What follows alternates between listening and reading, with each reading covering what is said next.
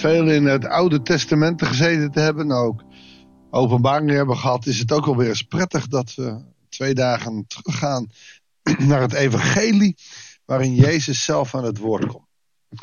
En elke keer als je dan weer terugkomt bij de verhalen van het Evangelie, ontdek je hoe Jezus een omdenker is. Dat Jezus niks volgens vaste patronen doet, maar dat wij mensen dat wel willen. Pak een willekeurige kerk, ook een evangeliegemeente of een traditionele kerk, dat maakt me helemaal niks uit.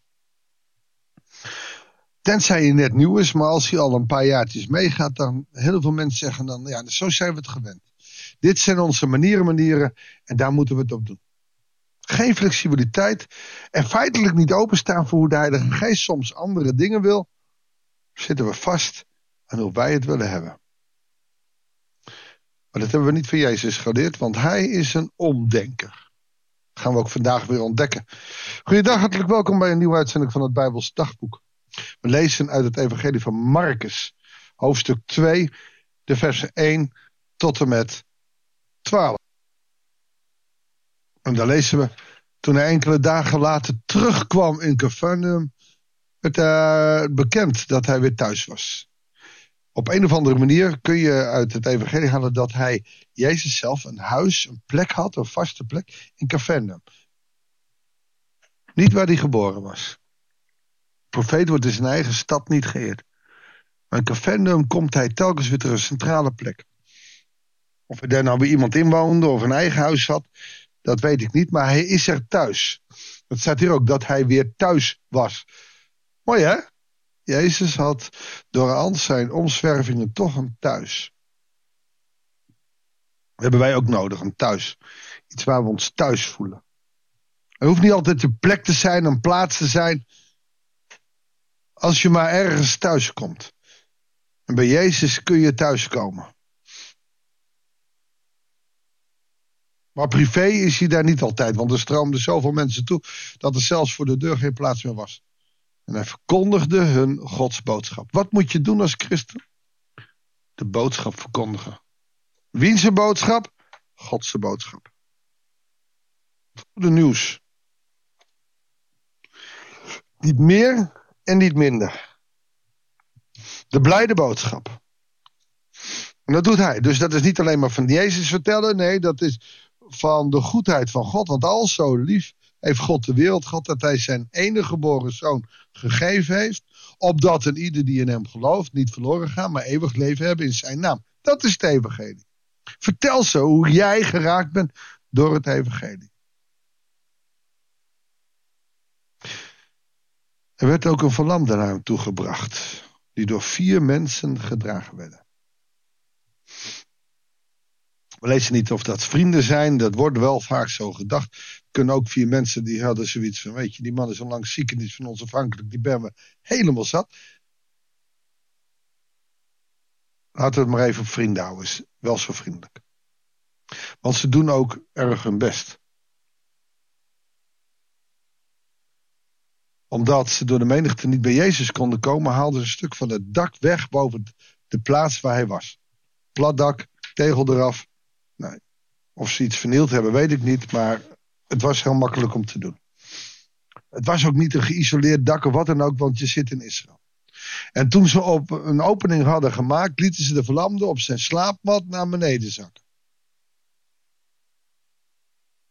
Dan gebeurt er wat aparts. Jezus ziet niet een verlamde man. Hij ziet het geloof van die vijf, van die vier mannen en die. Hij ziet het geloof van die verlamde man. Hij ziet niet een handicap, hij ziet niet. Hij ziet een mens. Wij oordelen over hoe een mens eruit ziet, wat hij doet, wat hij voelt. God ziet de mens en wordt met ontferming bewogen. En dan zegt hij niet meteen, joh, ik ga je genezen, ik ga je veranderen, ik ga je... Nee, mijn kind, je zonden zijn je vergeven. Want wat staat tussen jou en God in? Zonde. Niet wie je bent of wat je doet, maar de dingen die je verkeerd doet. Zonde. Hij wordt naar beneden gelaten niet om daar zondevergeving te krijgen, over zijn bol, hij wil genezen worden. Wat doet Jezus? Je zonde cijfer. Dat is bijzonder. Vind je niet bijzonder? Ik vind het bijzonder. Ja, het is bijzonder. Toch? Jij vindt het ook bijzonder? Ze laten verlamde man zakken door het dak. Is dat omdat hij vooraan wil liggen? Nee, hij wil genezen worden. Want ze hebben lang gehoord dat deze Jezus allemaal mensen geneest. Deze rabbi kan genezen. En wat doet hij? Je zonden zijn vergeven. Dat is op zijn minst opmerkelijk. Maar misschien toch ook wel het goede antwoord. Want wij kunnen van alles willen. God doet toch wat hij wil met ons.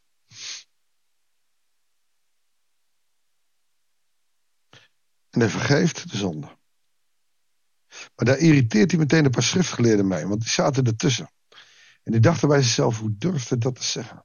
Hij slaat God lasterlijke taal uit. Wie kan zonde vergeven dan God alleen? Ja, daar hebben ze gelijk in. Alleen ze weten niet dat Jezus God is. Jezus wist meteen wat ze dachten. Heb je dat ook wel eens? Dat je denkt, oh, ze zullen wel weer denken. Moet je eigenlijk niet meer leven? Jezus kon dat wel. Waarom? Ja, weet je, hij wist het ook gewoon. Jezus is niet zomaar een mens of Jezus, Jezus weet dat.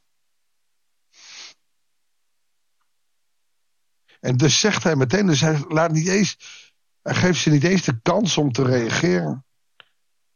Waarom denkt u zoiets? Nou, dat moet, dat moet op flabbergasted zijn. Dan sta je daar en denk je, oh, wat doet die man? Oh, vreselijk wat die man doet. En dan glimlach.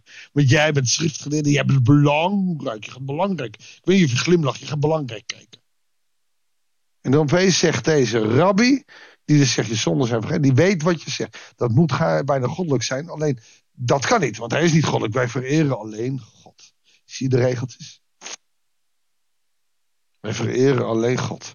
En God op aarde kan dus niet. Dus wij vereren alleen God.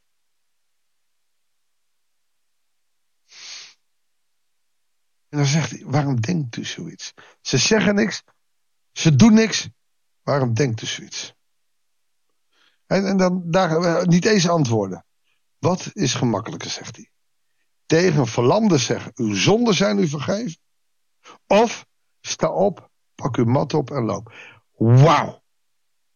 Nou, het is veel makkelijker om te zeggen zonden zijn vergeven, maar dat mag niet. Dus wat, wat, wat kan je beter zeggen? Nou, zegt ik zal u laten zien. Hij, het is echt één gang. Hij, hij laat deze fariseeën niet eens praten. Ik zal u laten zien dat de mensen zo'n volmacht heeft om op aarde zonde te vergeven. Ik zal het je laten zien. En dan gaat in zijn kracht staan. Dus zei hij tegen de ik zeg u sta op, pak uw mat en ga naar huis. Zijn zonden zijn vergeven. En nu mag hij ook nog genezen worden. Mooi is dat als je bijvoorbeeld bij ziekenzalving kijkt, mag hij deze week weer uitvoeren.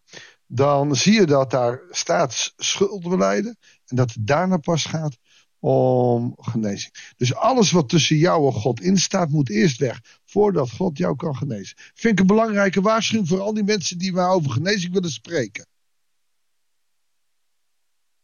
Mijn kind, uw zonden zijn u vergeven. En dan pak uw mat op en ga naar huis. Meteen stond hij op, pakte zijn mat op en ging weg. Alle mensen zagen het. Ze stonden versteld. En ze loofden God. Dat is de bedoeling van de genezing. Niet dat die man, die is hartstikke leuk en hartstikke blij, maar om God te loven, om te laten zien wie God is. Denk Venom, zoiets hebben we nog nooit gezien, zeiden ze. Mooi hè? Wat kunnen we daarvan leren? Niet zo moeilijk doen met onze regeltjes. God het werk laten. Een kerk, een Bijbel is helemaal niet zo solide vast als het is. God werkt op een andere manier in, in, in de tijd van de Bijbel, in de tijd van Luther, dan in onze tijd. Laat de geest zijn werk doen. Ga niet in de weg staan. Dus al die vaste regels hoe het wel en niet mag, zijn allemaal zonde. Zorg dat er niks tussen jou en God in staat.